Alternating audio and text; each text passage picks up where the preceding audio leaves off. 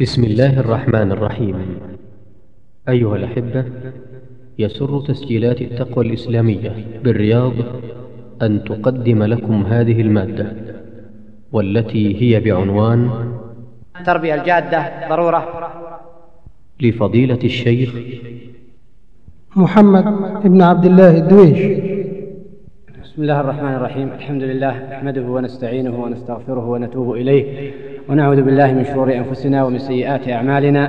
من يهده الله فلا مضل له ومن يضلل فلا هادي له وأشهد أن لا إله إلا الله وحده لا شريك له وأشهد أن محمدا صلى الله عليه وسلم عبده ورسوله.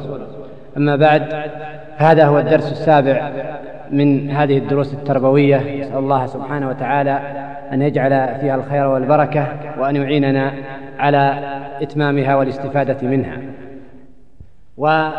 وهذا الموضوع إنما هو امتداد للموضوع السابق.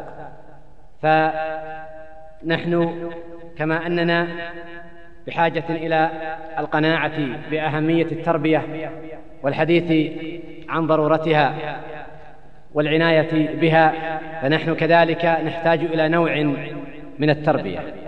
إن المجتمعات والمؤسسات التربوية والتجمعات بل الأفراد جميعا يمارسون التربية لأنفسهم. وليست كل تربية هي التربية التي نريد. فنحن نريد التربية التي تهيئ المرء ليكون عبدا حقا لله سبحانه وتعالى ليكون أهلا أن يتحمل هذه الرسالة وأن يحمل هذا الدين. ومن ثم كان لا بد من الحديث عن التربية الجادة. وقد نتساءل ماذا نعني بالتربية الجادة. لعل هذا التساؤل تزول الحاجة له عند الحديث عن جوانب هذا الموضوع. ولكننا يمكن أن نقول باختصار إن التربية الجادة يمكن أن نعرفها من خلال برامجها فهي تلك التربية التي تحوي على برامج جادة وعلى برامج طموحة تهدف إلى الارتقاء بالمتربي إلى منازل عالية ومنازل إلى منازل الرجال. ويمكن أن نتعرف عليها من خلال الهدف الذي تؤدي إليه والنتيجة التي تصل إليها ألا وهي إعداد الرجل الجاد. الرجل الجاد ليس هو قليل الدعابة والهزل. الرجل الجاد هو صاحب الهدف الذي يسري في أعماقه وروحه. الرجل الجاد هو من يتوجه بالعبادة الحقة لله سبحانه وتعالى. هو الجاد في طلبه للعلم الشرعي. هو الجاد في دعوته إلى الله عز وجل. هو الرجل القادر على اتخاذ القرار الحاسم في الوقت المناسب. هو الرجل الشجاع هو الرجل غير الهياب. إن مواصفات الرجل الجاد مواصفات أشمل وأتم من أن تكون ذاك الرجل قليل الضحك كما قد يتبادر للذهن. وماذا نريد من إنسان صموت قليل الضحك قليل الكلام وهو في مقابل ذلك قليل العمل وقليل الإنتاج؟ فلعل بعض الجمادات أن تكون أكثر هدوءا وأقل كلاما وحديثا من الكثير من أولئك وما تغني شيئا. فنحن نريد بالرجل الجاد الرجل العامل الذي يقول الكلمة حين ينبغي أن تقال يعمل العمل حين ينبغي صاحب المبادرة في حياته كلها. ونحن بحاجة إلى أن نتخلص من وهم الجماهير والانخداع بها إننا نرى الآن افواجا هائلة تنتفد إلى الله سبحانه وتعالى. ونرى هذه الصحوة المباركة تمتد على قنوات ومجالات شتى وهي ظاهرة ولا شك تبشر بالخير وتسر كل مسلم. ولكننا ينبغي ألا نفرط في التفاؤل وألا نعطي هذه الجماهير أكبر مما تستحق. وألا نعول عليها فقد تخذلنا حين نحتاج إليها. ويوم حنين إذا أعجبتكم كثرتكم فلم تغن عنكم شيئا وضاقت عليكم الأرض بما رحبت ثم وليتم مدبرين. ونخشى أن تتحول هذه الغثائية التي أخبر عنها النبي صلى الله عليه وسلم أخبر أنها ستصيب الأمة قال قالوا أو من قلة نحن يومئذ يا رسول الله؟ قال أنتم كثير ولكنكم غثاء كغثاء السيف. نخشى أن تتحول هذه الغثائية إلى تيار الصحوة. فيصبح عندنا تيارا قويا جارفا فيما نتصور ولكنه غثاء كغثاء السيف. إنني لست أتشاءم ولا أقلل من الإنجازات. ولست أنظر بنظرة سوداوية إلى إنجازات هذه الصحوة ولكني أيضا أخشى أن يصيبنا داء غيرنا الذين يتحدثون عن الإنجازات ويتحدثون عن الأرقام ويهتمون بالعدد. وأنت ترى الحديث كثيرا في القرآن في ذم الاغترار بالكثرة والاغترار بالعدد. إننا مع حرصنا على تكثير سواد الصحوة وعلى سواد المنتمين لهذا الطريق والخير ينبغي ألا نخدع بهذه الجماهير وينبغي أن نشعر ونوقن أن هذه الجماهير بحاجة إلى تربية تربية جادة تربية عميقة تربية طويلة تحتاج إلى جهود يتضافر عليها الجميع. وما كنا نظن أنه سيأتي الوقت الذي نحتاج إلى أن نقنع الناس بالحاجة إلى التربية. أن نتحدث عن أهمية التربية والحاجة إليها. إنها قضية ينبغي أن تكون بدهية ينبغي أن تكون مستقرة لدى الجميع. وقد كانت كذلك فترة من الزمن. ولكن حين امتد الخير وانتشر رواقه ودخل من دخل أصابنا ما أصابنا فأصبحنا بحاجة إلى أن نقرر البدهيات وبحاجة إلى أن نتحدث عن أهمية التربية. إننا الآن بحاجة إلى أن نتحدث عن وسائل حديثة في التربية. بحاجة إلى أن نتحدث عن مشكلات تربوية. بحاجة إلى أن نتحدث عن برامج التربية عن مضمون التربية وما يتعلق بها. وينبغي أن نتجاوز تلك المرحلة التي نقنع فيها الناس بضرورة التربية والحاجة إلى التربية. هذا مدخل بين يدي هذا الموضوع والذي سيتضمن النقاط الآتية مبررات المطالبة بالتربية الجادة ثمار التربية الجادة صور من نتاج التربية الجادة حين تتخلف التربية الجادة التربية الجادة والمفاهيم المغلوطة مقترحات للنقلة. مبررات المطالبة بالتربية الجادة.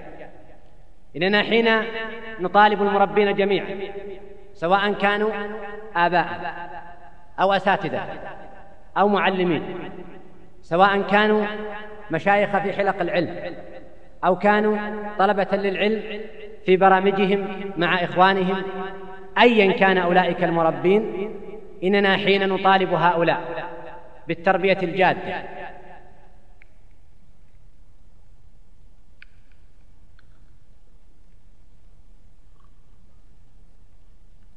ننطلق من مسوغات ومبررات عدة. أولها ما سبق الحديث عنه في الدرس السابق الذي أشرت إليه حاجتنا إلى التربية. فلقد ذكرت هناك مسوغات عدة تبرر الحاجة الملحة للعناية بالتربية. لعلي أن أذكرها الآن إجمالا. منها ضخامة الدور المنوط بهذه الصحوة كثرة الفتن والمغريات. أن هناك معان لا يمكن تحقيقها إلا من خلال التربية معاني الصبر والوفاء والكرم والشجاعة إلى غير ذلك. عمق الخلل التربوي في المجتمع. الخلل في واقع الصحوة. الفصام في المؤسسات التربوية بين النظرية والتطبيق توسع مجالات الدعوة وجوانبها. تلك أمور سبق الحديث عنها بالتفصيل والإفاضة في ذلك الدرس. تحدثنا عنها. وذكرنا أنها مسوغات للمطالبة بالتربية وهي الأخرى أيضا مسوغات للمطالبة بالتربية الجادة. ومن هنا فلست بحاجة إلى التكرار إلى تكرار الحديث عنها فمن لم يحضر الدرس عليه أن يرجع إليها ويستمع إليها. حينئذ أنتقل إلى مسوغات أخرى غير تلك المسوغات. منها أننا حين نقرأ في نصوص الكتاب والسنة نجد أن هناك نصوصا متضافرة في الكتاب والسنة تخاطب المسلمين على أن الأمر أمر جد. أن الأمر يحتاج إلى أن يؤخذ بجدية. يقول الله سبحانه وتعالى يا يحيى خذ الكتاب بقوة. ويقول الله سبحانه وتعالى مخاطبا لنبيه محمد صلى الله عليه وسلم يا أيها المزمل قم الليل إلا قليلا نصفه أو انقص منه قليلا أو زد عليه ورتل القرآن ترتيلا إنا سنلقي عليك قولا ثقيلا. لقد كان النبي صلى الله عليه وسلم يتحمل امرا ثقيلا امرا جادا كان يحتاج معه إلى أن يفرض عليه صلى الله عليه وسلم قيام الليل. فرض على النبي صلى الله عليه وسلم قيام الليل هو وأصحابه فقاموا شهرا كاملا حتى ورمت اقدامهم ثم نزل التخفيف بعد ذلك. واختلف هل بقي قيام الليل واجبا على النبي صلى الله عليه وسلم أم أنه نسخ وصار في حقه نافلة؟ هذا الموضوع لا يعنينا. لكن لماذا فرض على النبي صلى الله عليه وسلم وعلى المسلمين قيام الليل في تلك الفترة؟ لماذا أخبر الله سبحانه وتعالى بالحكمة؟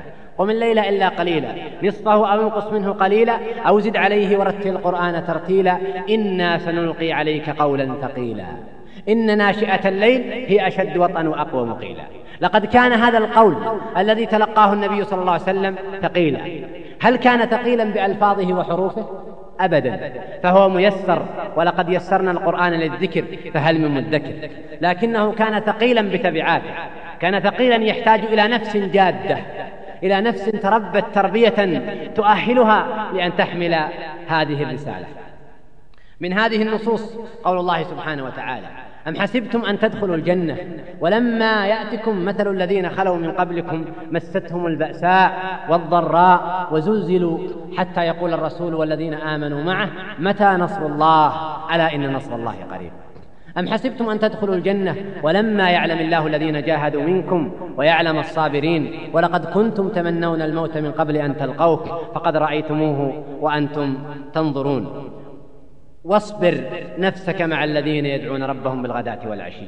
يريدون وجهه ولا تعد عيناك عنهم. تريد زينة الحياة الدنيا. ولا تطع من أغفلنا قلبه عن ذكرنا واتبع هواه وكان أمره فرطا إن هذه النصوص أيها الإخوة من كتاب الله سبحانه وتعالى تعطينا دلالة واضحة على أن الأمر أمر جد. أن الأمر يحتاج إلى نفوس عالية.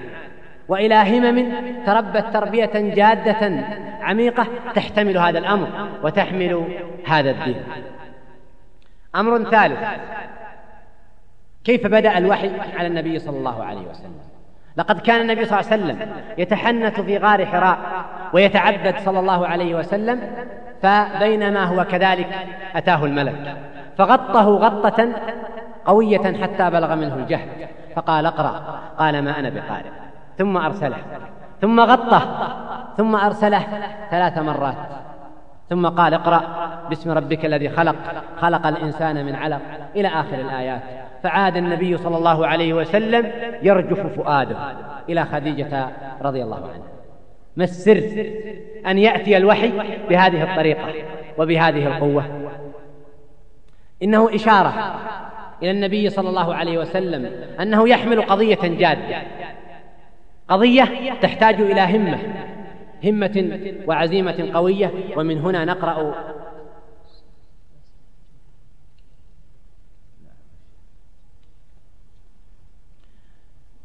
إن الإجابة على هذا كله نقرأها في قوله سبحانه وتعالى.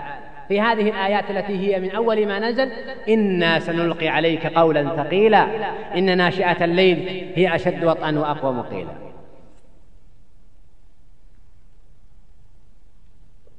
وحين نقرأ سنة النبي صلى الله عليه وسلم نجد الكثير من النصوص التي تؤيد ما نقوله فهو صلى الله عليه وسلم يقول حجبت الجنة بالمكاره وحجبت النار بالشهوات.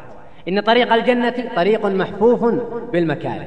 فلن يوصل إلى الجنة إلا من خلال سلوك هذا الطريق الطريق المليء بالمكاره والأشواك.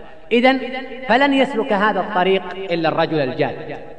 إذن الرجل الذي سيتربى ليصل إلى هذه المنزلة وليحقق هذا الهدف بحاجة إلى أن يتربى تربية جادة ليتأهل لبلوغ وتجاوز هذه المكاره النبي صلى الله عليه وسلم يقول استعن بالله ولا تعجز المؤمن القوي خير وأحب إلى الله من المؤمن الضعيف. إنه يخاطب النبي صلى إنه يخاطب صلى الله عليه وسلم كل مسلم على وجه هذه الأرض. أن يستعين بالله ولا يعجز. أن يكون رجلا هماما رجلا حارثا رجلا صاحب قرار. يستعين بالله سبحانه وتعالى ولا يعجز ويودع الكسل عنه. أيضا من المؤيدات والمبررات دعاؤه صلى الله عليه وسلم. فكان صلى الله عليه وسلم كثيرا ما يدعو بل كان يدعو كل صباح اللهم إني أعوذ بك من العجز والكسل. إن العجز والكسل من أكبر معوقات الرجل الجاد إن الرجل غير الجاد لا يمكن أن نصفه بأدق من هذا الوصف. إنه رجل عاجز وكسول. ومن هنا كان صلى الله عليه وسلم يستعيذ بالله كل يوم من هذا الداء من العجز والكسل. إذا فقد كان النبي صلى الله عليه وسلم يسأل الله سبحانه وتعالى أن يجعله رجلا جادا رجلا متخلصا من هذه العوائق. رابعا ينكأ لك عدوا أو يمشي إلى الصلاح. حديث يحتاج إلى وقفة يقول صلى الله عليه وسلم إذا عاد أحدكم أخاه فليقل اللهم اشف عبدك فلان ينكأ لك عدوا أو يمشي إلى الصلاح. والحديث رواه الحاكم من حديث ابن عمر ورواه أيضا الحاكم والإمام أحمد وأبو داود من حديث عبد الله بن عمرو. إن هذا الحديث يعطينا شعور أن وظيفة المسلم وظيفة وظيفة جادة وظيفة عمل فهو يدعى له بالشفاء لأجل أن ينكأ العدو أو يمشي على الصلاح. يدعى له بالشفاء لأجل أن يعمل لأجل أن يبادر فينكأ العدو ويهين العدو ويواجه العدو فيجاهد في الله سبحانه وتعالى ويمشي إلى الصلاة وإلى عبادة الله عز وجل. إذن فهو حين يسعى إلى الشفاء وحين يدعى له بالشفاء لا يدعى له بالشفاء لمجرد أن يكون صحيح البدن سليما. إنما لأجل أن يعود إلى دوره الطبيعي في الحياة هو أن ينكأ العدو أو يمشي إلى الصلاة. وهذا يعطينا دلالة على أن الأصل في حياة المسلم حال الصحة أن ينكأ العدو ويمشي إلى الصلاة. وليست القضية مربوطة فقط بقضية الجهاد وحدها والمشي إلى الصلاة إنما هي رمز فنكء العدو يتمثل في أن يكون المرء جادا عاملا لخدمة دين الله سبحانه وتعالى. يكون شوكة في حلوق أعداء الله عز وجل. أيا كانوا هؤلاء الأعداء. ينكأهم بالكلمة الصادقة. ينكأهم بالعمل الجاد المثمر. ينكأهم بالجهاد في سبيل الله حين يرفع لواء الجهاد. إنه رجل يحمل في قلبه العمل والحيوية والهم لهذا الدين. وهو أيضا يمشي إلى الصلاة. فهذا رمز لاجتهاده وجده في عبادة الله سبحانه وتعالى. الأصل في الحياة الجدية. هذا هو المبرر الخامس. إن الحياة أصلا لا يعيش فيها إلا الرجل الجاد تأمل في تاريخ الدول والأمم. ترى الأمة التي سادت وكونت حضارة لا بد أن تكون أمة جادة. لا بد أن يملك أفرادها قدرا من الجدية يؤهلهم إلى أن يصلوا إلى هذه المنزلة. وإلا لن يصنعوا شيئا. وإلا سيكونوا كبني قومنا من المسلمين الذين أمام تتاح أمامهم الموارد الكثيرة. الموارد الاقتصادية والموارد البشرية وكل الطاقات والإمكانات متاحة للمسلمين لكنك تجد أنه يغلب عليهم الكسل والتواني ودنو الهمة ومن ثم فاقهم غيرهم وسبقهم غيرهم. أنت لا ترى شعبا حقق انتصارا وحقق إنجازا أيا كان هذا الإنجاز. إنجازا ماديا. إنجازا عسكريا إنجازا في نظم الحياة إلا وترى وراء ذلك رجال جادون. أيا كان أولئك الرجال. صاحب الدنيا والمال إنه رجل جاد. لا يمكن أن يحصل المال ويكسب ويربح إلا ذاك الرجل الجاد الذي يفرغ حياته ووقته لكسب هذا المال والاحتيال عليه بأي وسيلة وأي طريقة. بغض النظر عن سلامة طرقه وعن سلامة منهجه لكنه رجل لم يحصل ما حصل إلا بالجد إنك حين تتأمل في هذه الحياة ترى أنه لا يمكن أن يحقق امرؤ نجاحا إلا من خلال الجد والعمل. المؤسسة التي تريد أن تحقق نجاح لابد أن تكون مؤسسة جادة. الفرد الذي يريد أن يحقق النجاح في حياته الخاصة في دراسته في تعلمه في أي شأن من شؤون الحياة لابد أن يكون رجلا جادا. الأمة والدولة لا يمكن أن تنجح ولا يمكن أن تحقق الإنجازات إلا عندما تكون جادة. تعمل أكثر مما تتكلم. تحمل رجال صادقين جادين عاملين أكثر من مجرد مهرجين وأناس يجيدون فن النفاق والحديث. ومن هنا فعندما تتأمل في التاريخ القديم والحديث ترى أن هذا سرا من أسرار نجاح الجميع. الأمر السادس جهاد وجهاد لا قتال فيه. إن تقول عائشة رضي الله عنها للنبي صلى الله عليه وسلم نرى الجهاد أفضل الأعمال. أفلا نجاهد؟ قال النبي صلى الله عليه وسلم عليكن جهاد لا قتال فيه الحج والعمرة. هنا عائشة تقول نرى الجهاد أفضل الأعمال.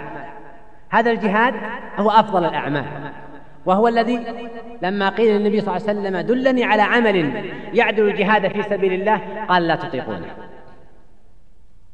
فعندما ألحوا عليه قال هل تطيق إذا خرج المجاهد أن تصوم فلا تفطر وتصلي فلا تنام؟ قال من يطيق ذلك؟ قال لا يعدل الجهاد شيء.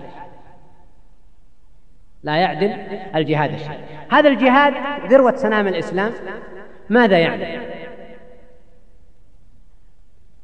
آه قد يطيب لنا أن نسمع الحديث عن الجهاد وعن البطولات نقرأ في الكتب نسمع الروايات عن البطولات وعن الجهاد ويستلقى الإنسان على فراشه ويمني نفسه بالجهاد لكنه ينسى أن الجهاد يعني قاقعة السلاح. الجهاد يعني الخوف يعني الرعب يعني مواجهة العدو يعني مواجهة الأخطار كلها. يعني أن يواجه الحرب والبرد والخوف والهلع والجوع والظمأ والعطش يعني أن يواجه كل ما يواجهه الإنسان من مصائب في هذه الحياة.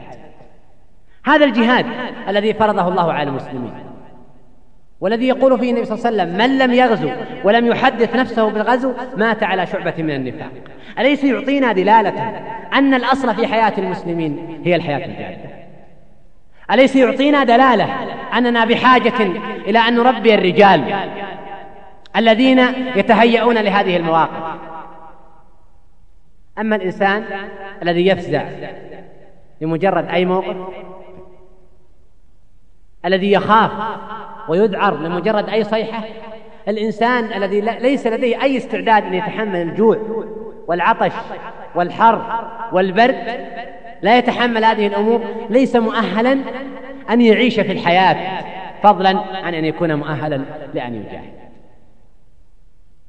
ثم جهاد لا قتال فيه الحج.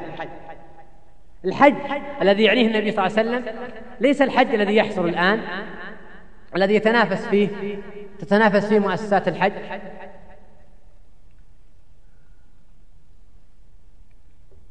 في تقديم وسائل الراحة.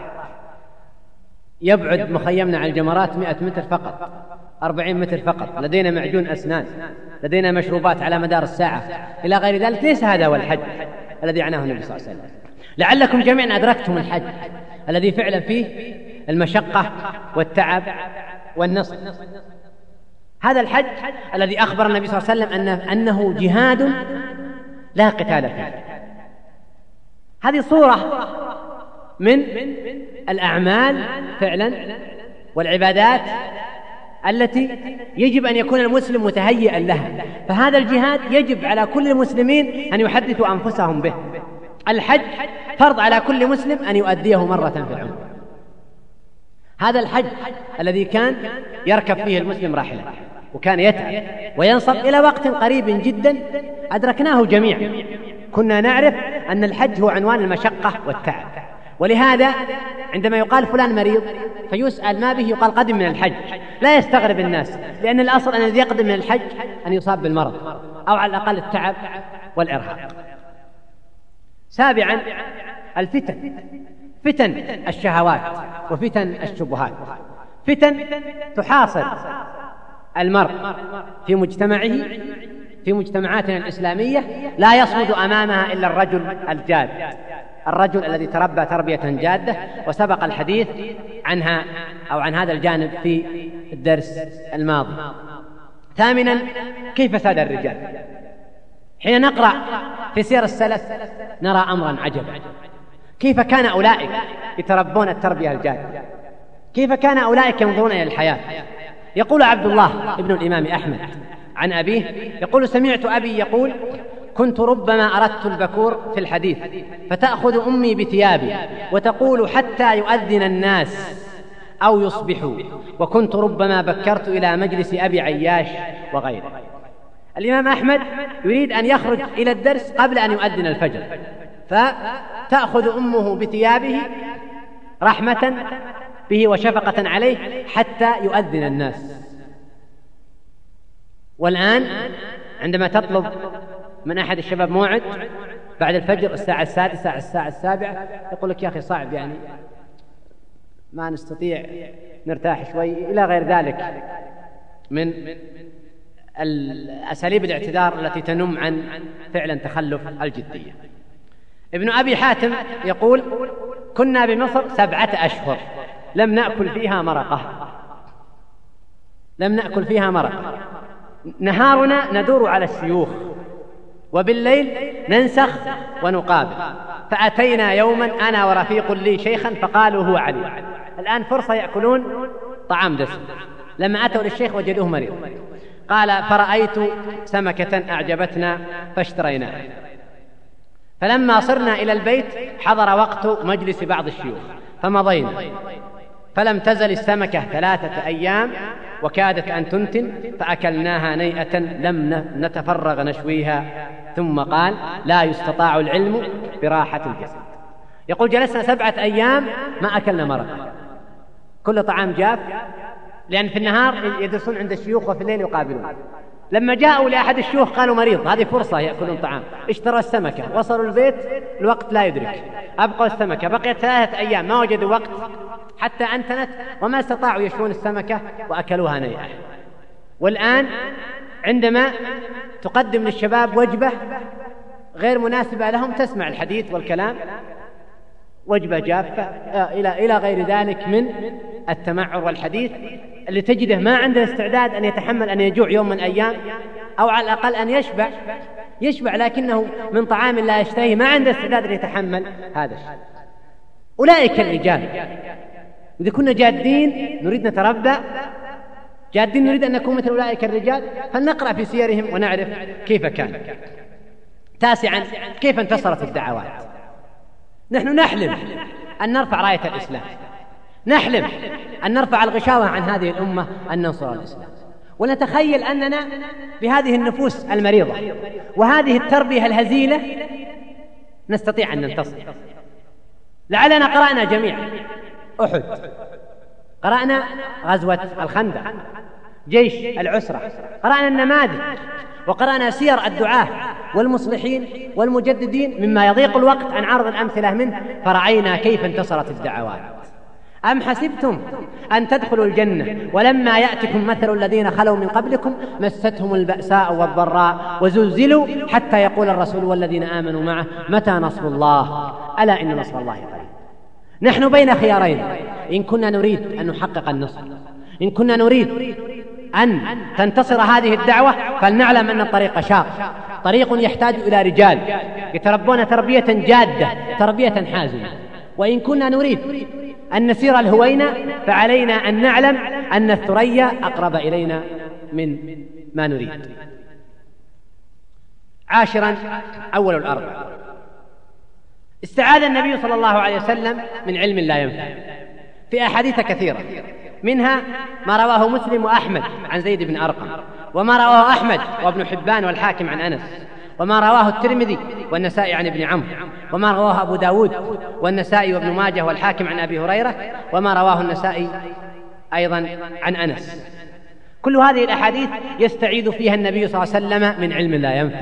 وفي بعضها يقول اللهم إني أعوذ بك من قلب لا يخشى ونفس لا تشبع ودعاء لا يسمع وعلم لا ينفع أعوذ بك من هؤلاء الأربعة ويقول صلى الله عليه وسلم أيضا سلوا الله علما نافعا وتعوذوا بالله من علم لا ينفع. رواه ابن ماجه وابن حبان من حديث جابر. رجيل ربي يجب أن يكون مثل ابن أبي حاتم. عنده درس بعد الفجر ودرس الضحى ودرس بعده ودرس بعده ودرس العصر ودرس المغرب. أو يكون مثل الذي لم يجد وقتا ليشوي السمكة حتى اللي عنده. ما وجد وقت سبع أشهر يشتري سمكة ثم لم يجد وقت بعد ذلك يشتري هذا الجيل يتربى هذا الجيل يحمل الرسالة. هذا الجيل يحمل العلم ويحصل العلم.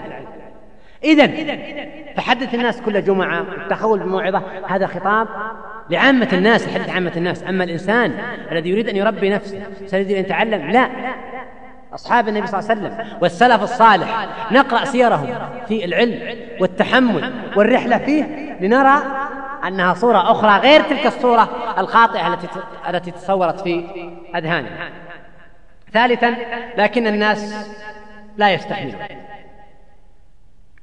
يعني بعض الناس يقول لك صحيح الكلام اللي تقوله كله لكن يا أخي الشباب ما يتحملون. وحرام عليك تنفر الناس ما أدري ويش إلى غير ذلك. ولهذا تبدأ برامجنا هزيلة هزيلة هزيلة. لماذا؟ حتى نجمع الناس حتى نجمع الغثاء. هذه النهاية التي نصل إليها. يا أخي هذا الشاب انتقل من الشارع إلى حياة الاستقامة والالتزام. كان في الشارع فوضى لا يعرف استئذان. لا يعرف انضباط لا يعرف أدب لا يعرف الكلمة النابية والكلمة القبيحة. رجل يعني يعيش حياة تختلف كليا. عندما استقام والتزم انتقل نقلة هائلة جدا في مظهره في عبادته في اهتماماته في منطقه. طيب نحن نريد أن ننقله نقلة أخرى نقلة جادة. المسافة الآن أيهما أبعد؟ المسافة بين هذه النقلة بين واقع اللي هو عليه الآن والصورة الجادة اللي نريد؟ أو المسافة بين النقلة اللي كان عليها في الشارع وتلك الصورة. لقد انتقل نقلة هائلة من الشارع إلى حياة الاستقامة والخير والصلاح. إذا فهو مؤهل. هذا الذي انتقل هذه النقلة عنده استعداد أن ينتقل وأن يكون جاد أيضا. لكن متى عندما يتربى؟ أعطيكم صورة. مصعب بن عمير كان شابا مترفا منعما الفتيات تشم العطر منه عندما يمر مع السوق. وترمقه بأبصاره. ومع ذلك عندما أسلم وتابع النبي صلى الله عليه وسلم كان أترف أهل مكة. اقرأوا سيرته. كيف كان؟ عاش حياة الشظف فهاجر للحبشة ثم هاجر للمدينة وتغرب وصار به ما صار إلى أن قتل غزوة في غزوة أحد وما وجدوا عنده شيء إلا بردة واحدة فقط إذا غطوا رأسه بدت قدمه. وإذا غطوا قدميه بدا. رأسه مع احترامي لك ولأصحابك لن يكونوا أكثر ترفا من مصعب بن عمير. وأيضا لا نريدهم أن يصلوا إلى حالة مصعب بن عمير.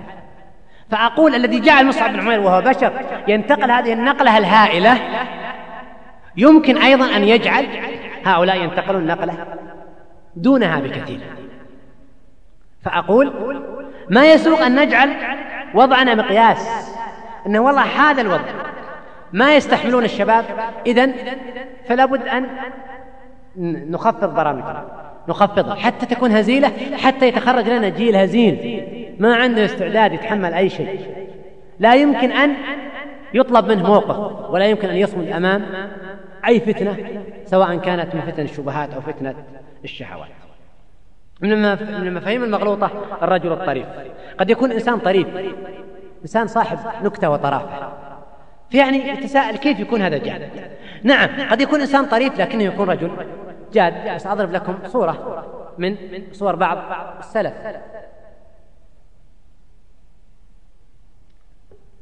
من مشاهير مشاهير السلف في الطرافة. الأعمش والشعب الأعمش جاء كان عنده رجل فسأله قال كيف بت البارحة؟ يعني كيف صحتك؟ فدخل منزله وأخذ وسادة فوضعها ثم استلقى وقال بت. هكذا. وجاءه رجل فأحضر له كان عنده ضيوف فأحضر لهم رغيفين فأكلوها كلها. فدخل المنزل وأحضر حزمة قت يعني برسيم وقدمه لهم وقال أكلتم طعامي وطعام أولادي وبقي طعام شاتي.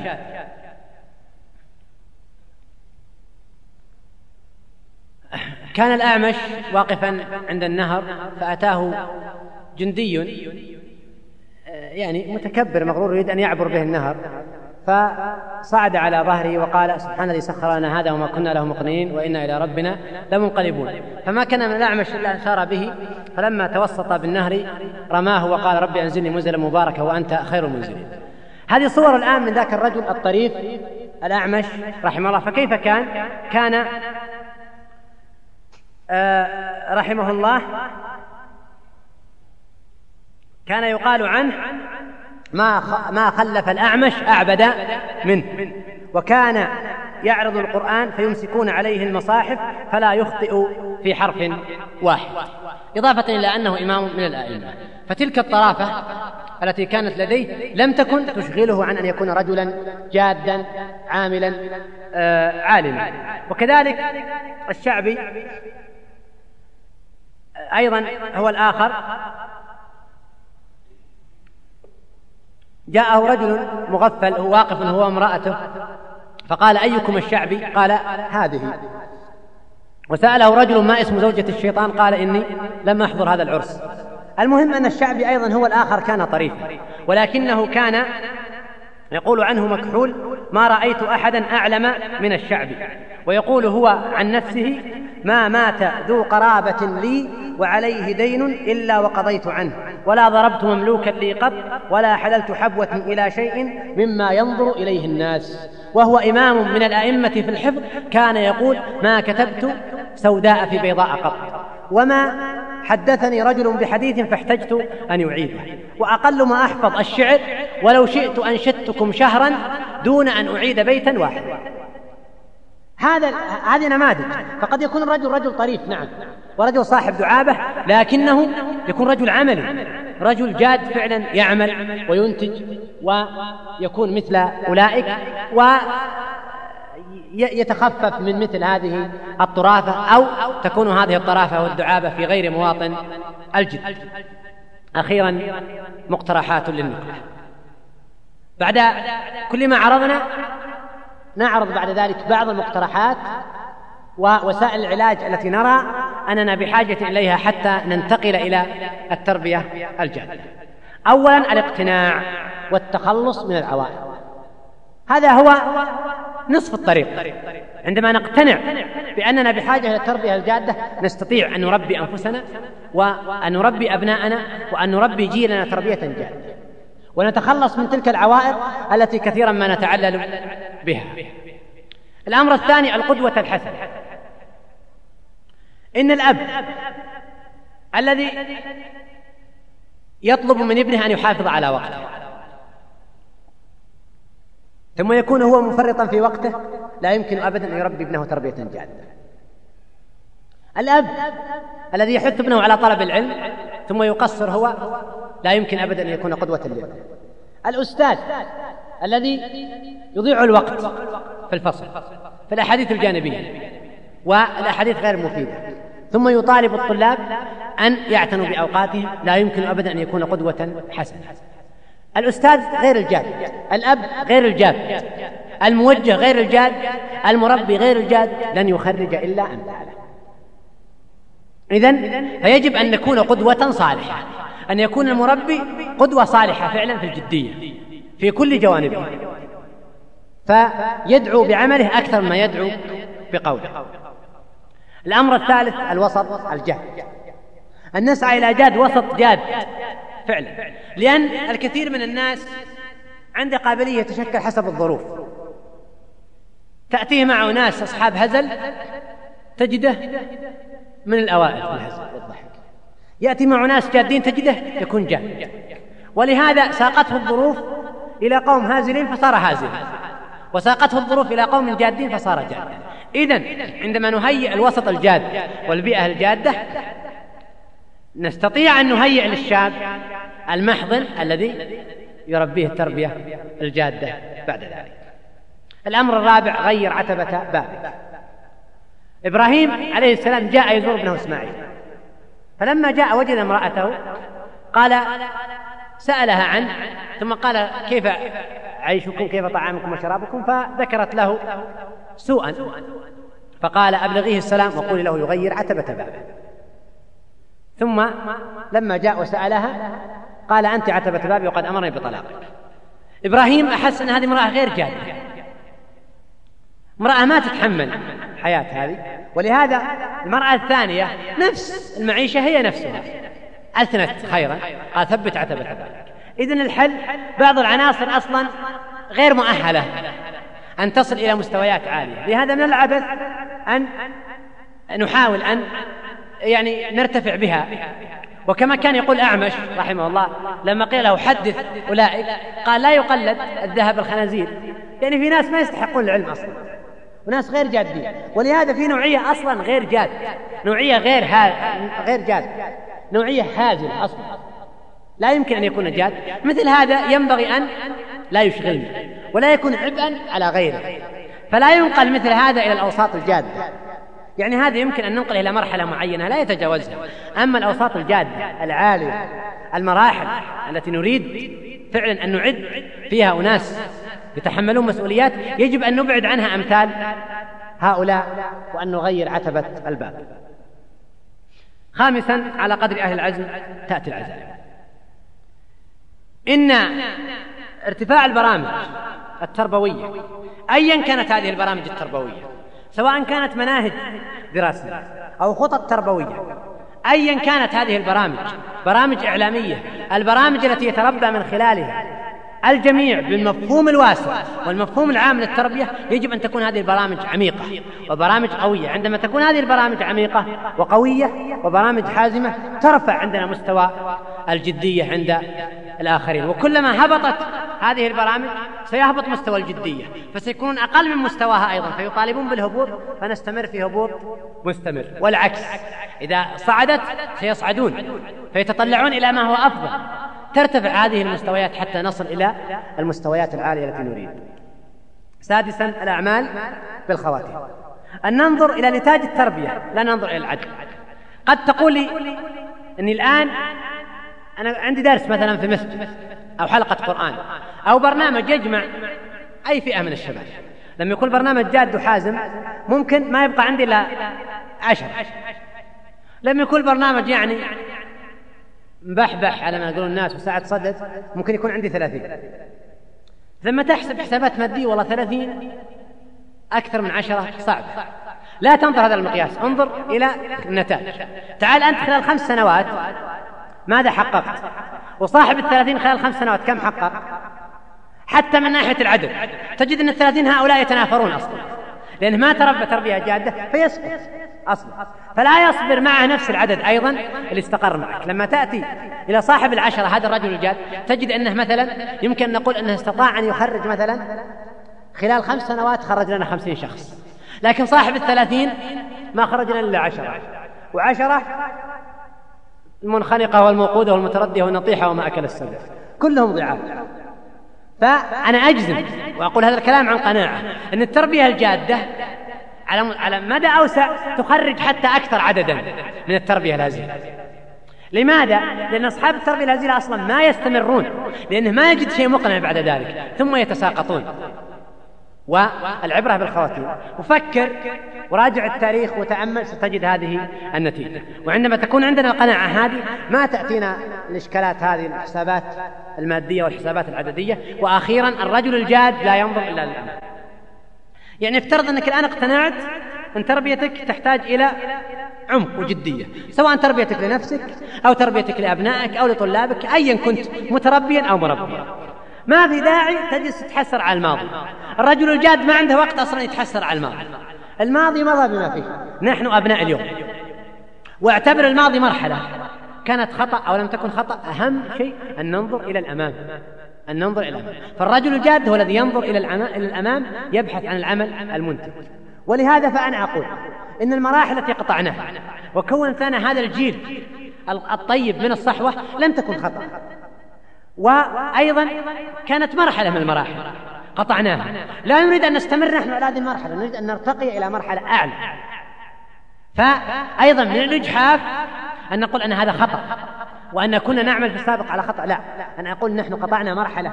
نحتاج إلى أن ننتقل بعد ذلك إلى مرحلة ثانية مرحلة أعلى. أقول مرة أخرى الرجل الجاد لا ينظر إلا إلى الأمام لعلي أن أجيب على ما تيسر من الأسئلة.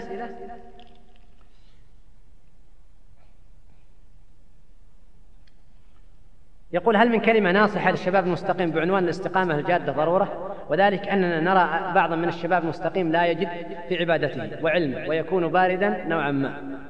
فيضيع عليه الوقت الكثير في لا شيء وتمضي السنون وهو لم يحصل ولم يقدم شيئا فالأمة لا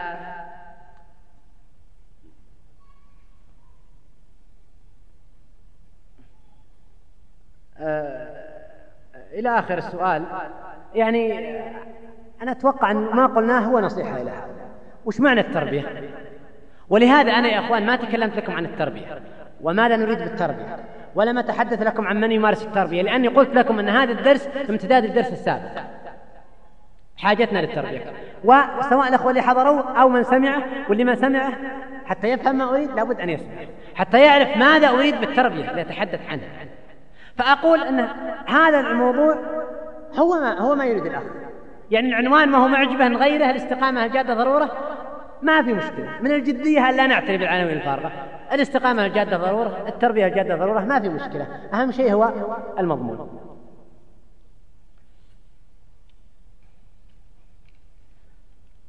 يقول إننا في هذا الزمن نجد بعض شباب الصحوة ليس لهم هم سوى متابعة الأناشيد. والمخيمات الترفيهية وتجدهم لا يفكرون تفكيرا جادا للعمل الإسلام سواء كان بدعوة أو طلب علم فما نصيحتكم لأمثال هؤلاء؟ يعني فعلا كثير من الشباب تجده يحفظ من النشيد أكثر ما يحفظ من القرآن ودائما حياته سماع النشيد وترداد النشيد. هذه صورة من التربية الهزيلة وصورة من لو كان جاد هذا ما وجد وقت أصلا يسمع مثل هذا أنا ما أقول أنها محرمة لكن الرجل الجاد عنده ما أصلا. كذلك يعني مثل مخيمات تقدم للشباب. طيبة وخيرة لكن يجب أن نرتفع بها.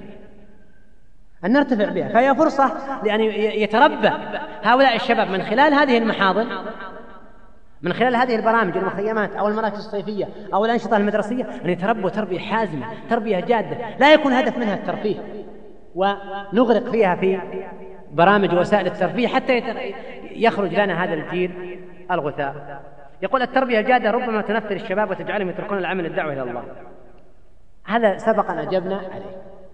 ويمكن أن نقول الآن التربية الجادة مراحل. يعني عندنا خطوات ومراحل. في بعض الناس يعني نحن نريد أن يتربى المجتمع كله تربية جادة. لكن على مستوى معين. عندنا ناس يصلون إلى مستوى معين إلى مستوى آخر. فليس بالضرورة أن نطالب الجميع بمستوى معين من التربية ومستوى معين من الجدية. لكن أقول أنا, لما نتأمل الواقع نجد أننا متأخرون كثيرا. وأننا نضع الكثير من الناس دون مراحلهم التي يجب أن يصلوا إليها. أليس من التربية الجادة اقتطاع شيء من البرنامج اليوم لحفظ كتاب الله والانتظام في حلقة لتحفيظ القرآن؟ لا شك أنه من التربية الجادة أن يعتني الشاب بنفسه ومن أهم ما ينبغي أن يعتني به حفظ القرآن الكريم. لكن كيف يلتحق بحلقة يحفظ على شخص؟ هذه طريقة أخرى. المهم هو الهدف. الوسيلة تختلف من شخص إلى آخر ومن ظرف إلى آخر. يقول إن برامج الجادة غير مرغوبة وتسبب نفرة الشباب ما يسبب ضعف الدعوة. سبق أن أجبنا على هذا. نجد بعض الشباب يتحمس ويربي نفسه تربية جادة فينقطع طلب العلم فترة من الزمن وبعد مدة نجده يفتر ويكسل وإن لم ينتكس عن الطريق المستقيم. فما نصيحتكم من مثل هؤلاء؟ أولا سبقا قلنا يا أخوان في الدرس السابق أن التربية ليست هي طلب العلم وحده. هذا جانب من جوانب التربية فهذا ليس صحيح. الإنسان يحتاج إلى جوانب عديدة لتربية نفسه والجانب العلمي جزء منه وهذا ليس جانب الإنسان يتفرغ لي ليتعلم وحده وهو يرى المنكرات ويرى الواقع اللي يحتاج إلى تغيير ليس جانب الجدية ما تعني أن الإنسان يكون مقطب الجبين. الجدية ما تعني الإنسان يقرأ مجرد, يقرأ. لا تعني الجدية أن يكون الإنسان يستغل وقته كيفما اتفق. لا. الجدية أن يكون إنسان فعلا يختار العمل المناسب يختار العمل المناسب يكون عنده توازن. هذا هو الرجل الجاد أنا أعتبر الإنسان اللي يتفرغ مثل هذا التفرغ ويهمل الواقع ويهمل الدعوة. أصلا رجل غير جاد.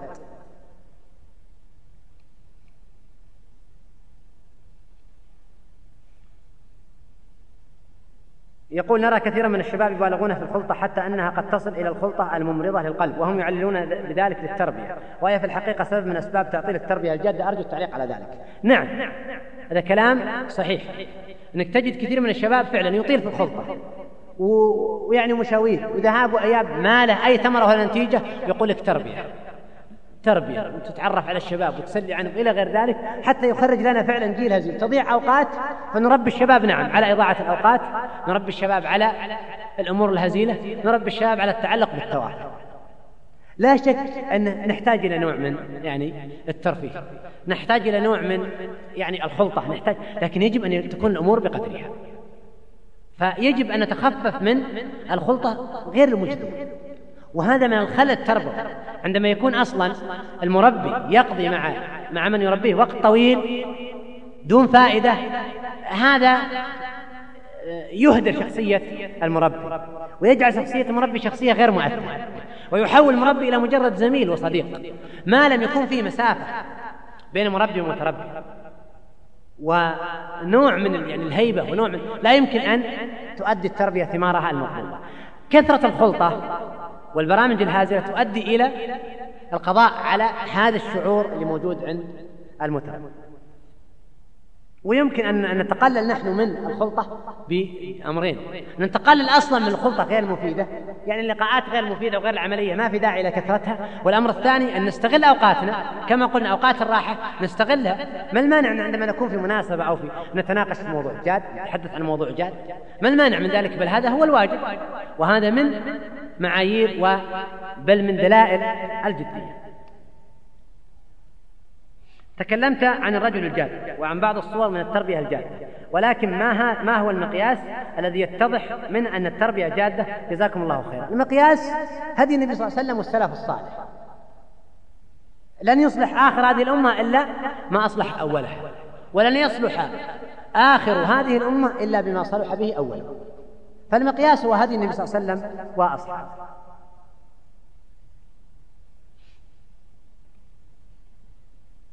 يقول كما ذكرت لابد الإنسان أن يربي نفسه تربية جادة لكي يواجه الشهوة.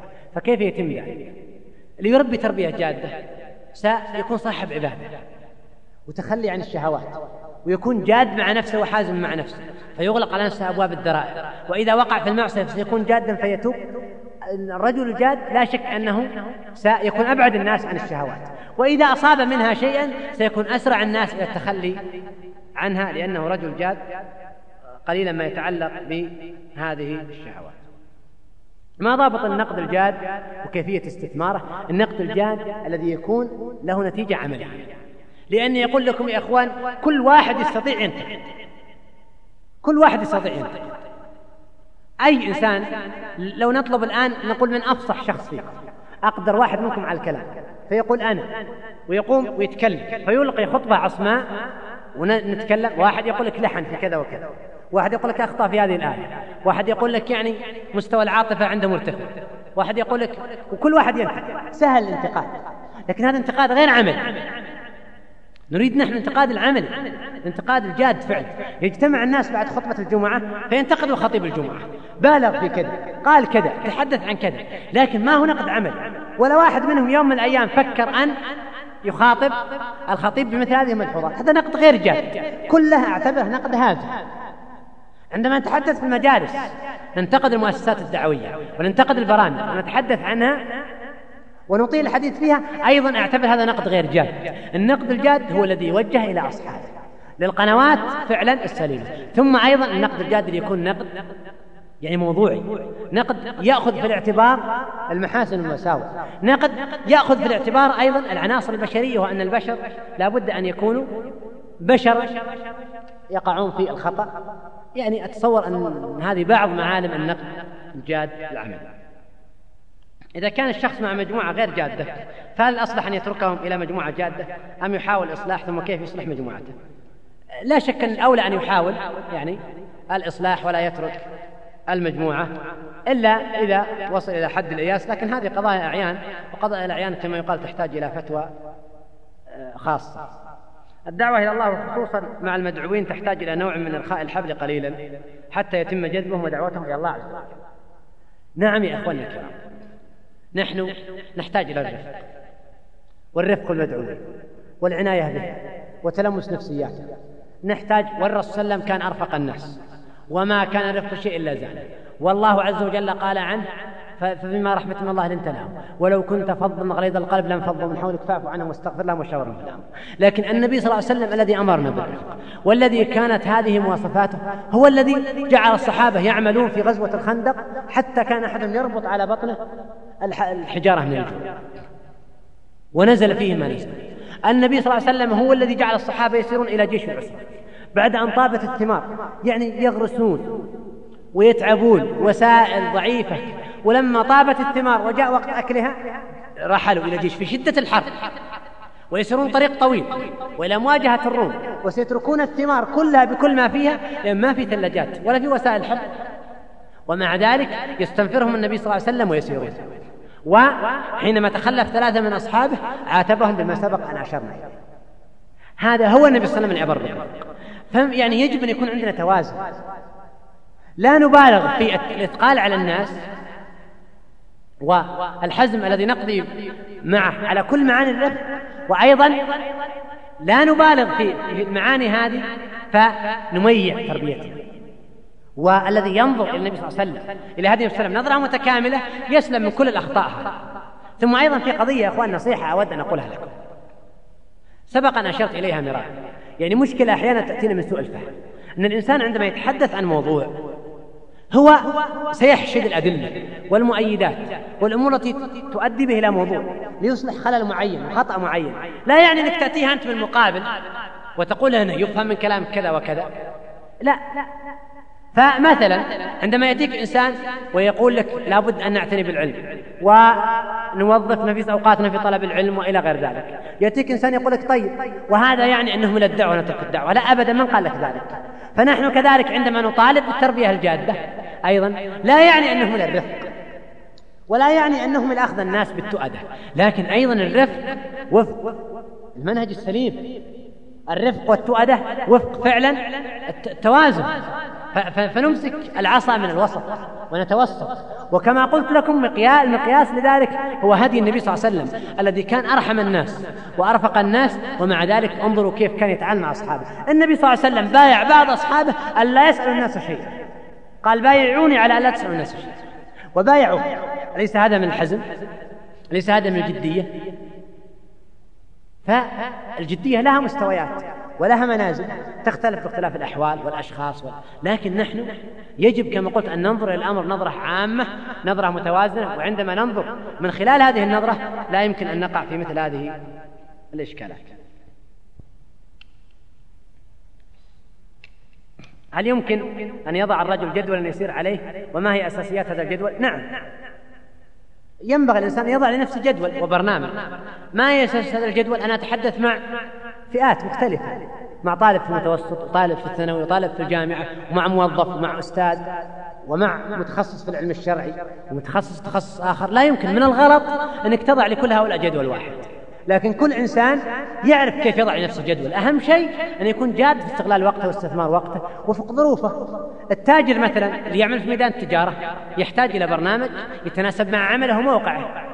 الأستاذ الطالب الموظف الرجل المرأة الناس يختلفون. فمن الخطأ أن نضع جدول واحد نطالب الناس بالسير عليه ونقول هذا جدول نموذجي وجدول مثالي لا. والرجل الجاد يا أخوان ما يحتاج ما يحتاج أن يوضع له جدول. هو نفسه يعرف يعرف لما يكون إنسان جاد وصاحب هدف يعرف كيف يحقق هدفه. أخيرا يقول ما رأيك لو ذكرت الحضور بقضية التبكير في أيام العشر؟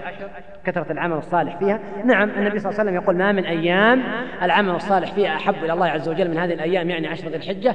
قالوا يا رسول الله ولا الجهاد في سبيل الله؟ قال ولا الجهاد في سبيل الله إلا رجل خرج بنفسه وماله فلم يرجع من ذلك بشيء.